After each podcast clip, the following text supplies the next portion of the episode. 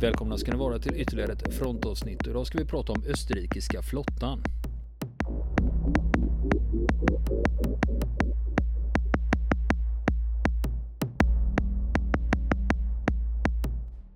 Och nu ska vi fortsätta prata om österrikiska flottan. Och just här då i farvatten utanför Viss, eller Lissa som den kallades då, Eh, den här ön i Adriatiska havet på den här tiden, så, så kunde man eh, liksom eh, upptäcka vad det, här, vad det här ledde till. Den första flottstyrka som nådde fram till den här ön då, det var den italienska under amiral Persano. Och han delade in sin flottstyrka i tre grupper då och ledde den ena personligen och sen var det två andra amiraler som ledde varsin styrka då och som lydde under hans befäl då. Och man satte igång att beskjuta forten och hamnen på Lissa. Och då hamnar han i bråk med sina underlydande amiraler därför att man är oense om hur effektiv den här beskjutningen är. Och det här bråket blir rätt eh, eh hetsigt, så man blir riktiga ovänner. Och eh, det där skulle få konsekvenser för vad som hände under de följande timmarna. Ödesdigra konsekvenser för italienarna. Varför man kommer att ha uppenbara samarbetssvårigheter på den italienska sidan. Och italienarna, de höll precis på att landsätta trupper på ön just när den österrikiska flottan siktades vid horisonten den 20 juli 1866. Och Persano han ger genast order då om att avbryta landsättningen för att, för att gå i strid mot österrikarna. Och i sista ögonblicket så bestämmer sig då den italienska amiralen för att byta flaggskepp han har haft eh, det största eh, fartyget, Rede Italia, som flaggskepp. Men beslutar sig precis innan striden börjar för att eh, flytta över till den här moderna monitorn, Affondatore, som jag nämnde tidigare då. Fast det var en detalj som missades i allt detta. Han glömde berätta för de övriga fartygscheferna att han hade bytt flaggskepp. Så i fortsättningen då när sjöslaget bryter ut så är det ingen som observerar hans flaggsignaler från det andra skeppet eller förstod ens var amiralen höll hus. Så det fanns ingen som gav order på den itali italienska sidan. Det, det, blev kaos. Och dessutom så är det bara den gruppen som Persano själv förde befälet över som hamnade i strid med österrikarna. De övriga två grupperna med de här amiralerna som hade blivit ovänner med honom, de höll sig utanför sjöslaget. De ingrep inte i striden. Så att han lyckades bara sätta in en tredjedel av sin egen styrka i sjöslaget. Men det här, kunde, det här kunde ju den österrikiska amiralen Tegethoff inte veta. Utan han, vad han visste däremot var att hans egen styrka var underlägsen italienarna. Och han hade bestämt sig innan han gick i strid att nej, vi ska inte satsa på några långa artilleridueller med bredsidor, för då kommer vi förlora. Utan vi ska gå i närstrid med våra rammar. Och under det här sjöslaget så så går det, det, det, österrikiska flaggskeppet som heter ärkehertig Frans Ferdinand med amiral Tegetov själv ombord in och rammar vad man trodde det var det italienska flaggskeppet Rede Italia. En pansarkryssare med den tidens mått mätt Och, Och det blev en fullträff så att säga. Hon sjönk inom tio minuter med man och allt. Och ett annat italienskt fartyg fick också en träff i ammunitionsförrådet och flög i luften. Sen försökte ett annat österrikiskt eh, fartyg, ett av de äldsta i österrikisk tjänst då, eh, som heter Kaiser, försökte ramma ett annat it eh, italienskt fartyg som heter Redi Portugal kungen av Portug Portugal alltså. Men misslyckades och blev själv svårt skadat på, på kuppen då. Och sen den här monitorn då med amiralen ombord försökte ramma Kaiser i sin tur men blev så svårt skadat av österrikisk beskjutning att det senare sjönk när det tagit sig tillbaka i Anconas hamn. Och den här striden då, sjöslaget vid Lissar, och det pågick i två timmar ungefär och italienarna förlorade sammanlagt tre stora, stora örlogsfartyg. Men österrikarna inte ett enda. De fick flera skadade fartyg men inget sjönk då. Och det här var alltså det sista stora sjöslaget under 1800-talet där, där träfartyg deltog. Och det enda sjöslaget under 1800-talet där man använde rammar. Och eh, jag har hittat en redogörelse från sjöslaget som är skriven av en österrikisk officer som nämner vår svenske sjöofficer och hur det gick för honom under slaget. Eh, jag har tyvärr inte lyckats, eh, lyckats eh, ta reda på namnet på den här för han skrev anonymt i en av, en av de främsta tidningarna i Wien eh, några, ett par veckor efter slaget. Det är tidningen Neue Freie Presse. Och det här översattes då sen och publicerades i andra länder. Och bland annat då i svenska tidningar vid den här tiden där man var väldigt, också var väldigt nyfikna på detta. Och jag har, jag har eh, hämtat det här ur en svensk tidning som heter Nya Dagligt Allehanda. Där redogörelsen publicerades den 4 augusti 1866. Och det börjar så här. Den 18 juli ingick underrättelser till Pola, flottstationen, att fienden, 11 skepp stark, hade ankommit utanför Lissa och besköt Lissas fästningsverk. Vi utlöpte den 19 på förmiddagen från Fasana nära Pola med två stora pansarfregatter, tre av medelstorlek och två mindre, tillsammans med sju pansarskepp samt hade dessutom av träskepp ett linjeskepp, sex fregatter, sju kanonbåtar, två större hjulångare och två icke beväpnade fartyg. Den 20 juli på morgonen anlände vi utanför Lissa i upprörd sjö så att man först emot klockan 11 fick ön i sikte. Snart ankom de fientliga skeppen tätt nära land i slaglinje och visade endast otydliga men gigantiska former i den tjocka dimman. Vår amiral gav signal, klart i strid, bildande av anfallsvinklar i tre divisioner med pansarskepp i spetsen och anfall mot fienden för att skjuta honom i sank. Från skeppen skallade ett tusenfaldigt hurrarop i det ögonblick då allt var klart i strid. Fiendens träskepp, även som hans hjulångare, blev utom skotthåll under det att pansarskeppen kringrände oss och en fruktansvärd kanonad öppnades från bägge sidor. Anfallsvinklarna blev ganska snart upplösta. Hjulångarna begav sig ur linjerna. Våra skepp blev slutligen liggande i en klunga dit också fienden närmade sig sedan han på ett ganska skickligt sätt kringgått vår pansarlinje. Nu sökte var och en använda sina kanoner. Men vad förmådde de mot dessa härliga skepp? De italienska alltså. Gud vet hur det kom sig.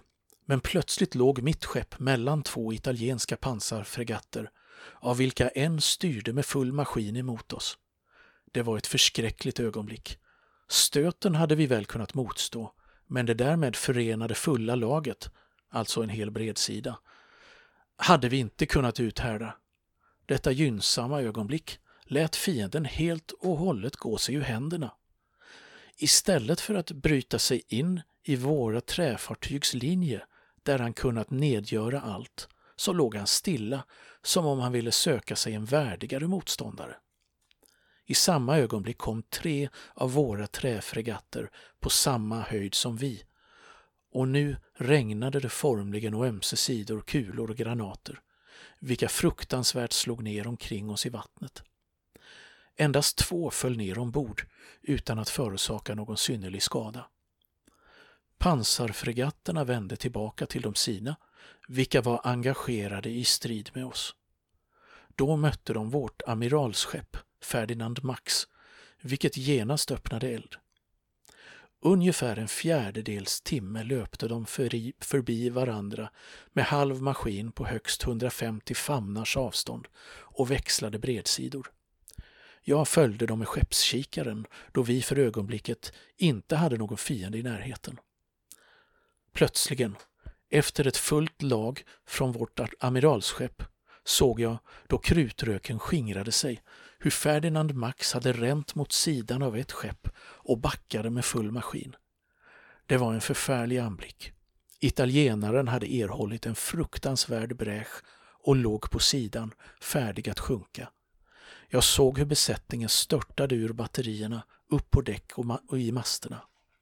Ett kort, fruktansvärt ögonblick till och det härliga pansarskeppet, mycket större och starkare än dess motståndare, hade, man, hade med man och allt försvunnit i djupet. Vi förmodar att det var Rede Italia, ett för italienska regeringens räkning i Nordamerika byggt praktskepp. Ja, det visade sig att det var det också, som man hade sänkt på det här sättet genom ramning. Och så fortsätter han då. Ett annat stort pansarskepp såg jag växla fulla lag, alltså bredsidor, med Don, Don Juan de Austria. Därefter plötsligt bege sig ur linjen och styra till sjöss med en stark rök uppstigande ur dess styckeportar, alltså kanonportarna. En halvtimme senare såg vi det två till tre sjömil borta flyga i luften. Fienden begav sig till sjöss och samlade sina skepp och vår amiral gav signal. Förening och ny formering i anfallsvinkel. Vi kom fram inom få minuter med full maskin vid amiralsskeppet och Gud vare lov, ingen dyrbar person saknades. Vad varje särskilt fartyg lidit kunde inte märkas till följd av den ofantliga röken från skorstenar och av krut. Den förnämsta förlusten led vi ombord på Kaiser. Italienarna trodde i början att det var, detta var det österrikiska amiralsskeppet och de överöste det med kulor och granater utan synnerligt resultat. Då försökte ett italienskt skepp ränna emot det. Kaiser vek skickligt undan och styrde däremot mot det italienska skeppet med en förundransvärd djärvhet. Ett träskepp mot ett pansarfartyg. Naturligtvis leder därvid skador i fören. Fockmasten störtade ner på däck och tog med sig skorstenen. Vi tänkte att skeppet skulle råka i brand för röken från maskinerna bildade efter förlusten av skorstenen ett fruktansvärt moln. Det måste överge striden eftersom elden från dess egna maskiner lätt kunde antända däcket och Kaiser styrde kurs mot Lissa under det att dess motståndare avstod från att förfölja och skyndade efter de andra istället för att inte bli avskurna. Vi betraktade denna manöver då vår befälhavare plötsligen ropade Det går ett hjulångfartyg med två skorstenar under land. Den måste vi ta. Full maskin framåt. Så utomordentligt likt en hjulångare detta skepp än var, så var det likväl det fruktansvärdaste slags pansarskepp, en monitor. Detta fartyg, Affondatore, hade sex tums järnplåtar, två likaså bepansrade torn med en 300-pundig kanon i varje och ligger därvid knappt fem fot över vattenytan. Därjämte har den starka maskiner och tillryggalägger 14 till 15 sjömil i timmen. Detta vidunder hade smugit sig nära land för att avskära vägen för Kaiser och borrade i sank, vilket med dess överlägsenhet i hastighet må hända hade lyckats men möjligtvis gjord uppmärk blivit uppmärksamma genom vårt misstag hade tre av våra träfregatter och flera kanonbåtar på samma sätt som vi styrt kurs på monitorn och avfyrade nu sina kanoner mot honom. Han svarade icke med ett enda skott. Man såg våra kulor i massa träffa honom, men så som jag tror, utan att tillfoga honom någon skada eftersom han har ett pansarklätt däck varpå ingen står under striden. Han vände och skyndade sig till de sina vilka befann sig tillsammans, fastän i tämlig oordning. Vi hade bildat vår slaglinje och på nytt signalerades till anfall. Fienden med Affondatore i spetsen styrde emot oss med sina samtliga skepp. Elden öppnades av fienden men på ett avstånd på vilket ingen kula i världen kan hinna fram. Plötsligt vänder sig Affondatore mot det ovannämnda brinnande pansarskeppet under det att alla de andra begav sig av i nordlig riktning. Nu signalerade vår amiral. Tredje divisionen i slaglinjen håller ner mot Lissa, första och andra divisionen allmän jakt på fienden. Men då de överhuvudtaget hade bättre skepp så seglade de fortare, italienarna alltså, och jakten på öppna havet fortsatte länge. De hade styrt kurs mot Ancona och amiralen jagade efter dem allt vad maskinerna förmådde. Vi i den tredje divisionen styrde däremot mot Lissa. Vi kom, innan ännu affären med Fondatore började, nära det ställe där Redi Italia förmodligen hade sjunkit och såg mer än 150 stackars människor som höll sig fast i master och stänger driva omkring på vattenytan och ropa på hjälp. Det var förfärligt. Hur gärna hade jag icke satt ut en båt, men det var tyvärr inte möjligt. Senare erfor jag att pansarskeppet Habsburg under striden måste fara rakt igenom en sådan skara av dem som kämpade för livet. Ett gräsligt beslut. Vi löpte in i Lissa där Kaiser redan låg för ankar. Den hade flaggan på halv stång, ett tecken till att det fanns döda ombord. Livbåtarna hängde sönderskjutna utanför fartyget, även så tåg och tackel efter den nedstörtade fockmasten. Vid trappan låg båtar. Skeppsprästen befann sig i en av dem. I denna låg en död officer. Manskapet stod med blottade huvuden och flera kanonskott gavs som hedersalut.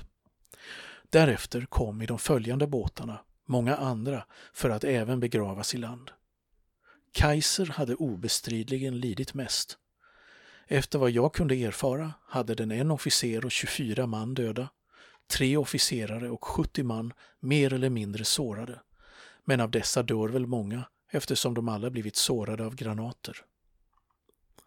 Efter två timmar kom den andra divisionen tillbaka, strax därefter den första och slutligen amiralen. Men hans skepp kom inte.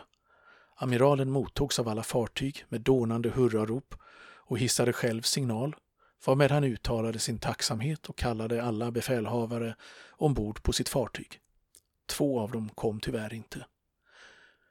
Det var befälhavaren på Novara, en utmärkt officer, linjekapten, skeppskaptenen av Klint, som med sitt antända och åter reparerade fartyg rusat i elden där en kanonkula träffade honom mitt i veka livet och lämnade inte ett spår efter honom. Vidare saknades linjeskeppskaptenen Moll, befälhavare på pansarfregatten Draken. Det första skott som träffade hans fartyg bortryckte även hans huvud. Nu började man att mönstra fartygen. Icke ett enda var odugligt i strid. Till och med Kaiser hade redan sina skorstenar reparerade. Allt är undanröjt och den är klar när som helst. Italienare har samt och synnerligen skjutit uselt och sånt artilleri de har sedan. I hela Österrike kan man inte finna en enda kanon som liknar deras. Se däremot på våra 30, högst 40-pundiga. Det är en skam för hela Europa, men vi får snart se dem bedömas av personer som tillhör flottan och vad därtill hör. Så vår sjöofficer, svenske sjöofficer av Klint, han stupade i det här sjöslaget och efterlämnade änka och två barn. Och på grund av, och man fick inte njuta av segern heller, för på grund av Österrikes nederlag mot Preussen, det påverkade även kriget i Medelhavet, för Österrike tvingades i fredsslutet överlämna en stor del av sina landområden då vid Adriatiska havet, en provins som heter Venetien till Frankrike, som senare överlämnade till Italien. Och det blev alltså ett stort steg för, på vägen mot upprättandet av det moderna Italien. Detta. Och eh, som sagt, eh, så det var historien om, eh, om eh, den svenska officeren av Klint och, eh, och den österrikiska flottan. Det här fartyget då kan man säga som han var fartygschef på Novara klarade sig däremot och kom att tjänstgöra i många år till i den österrikiska armén. Mot slutet på, i slutet av 1800-talet så var det skolskepp innan det skrotades ut.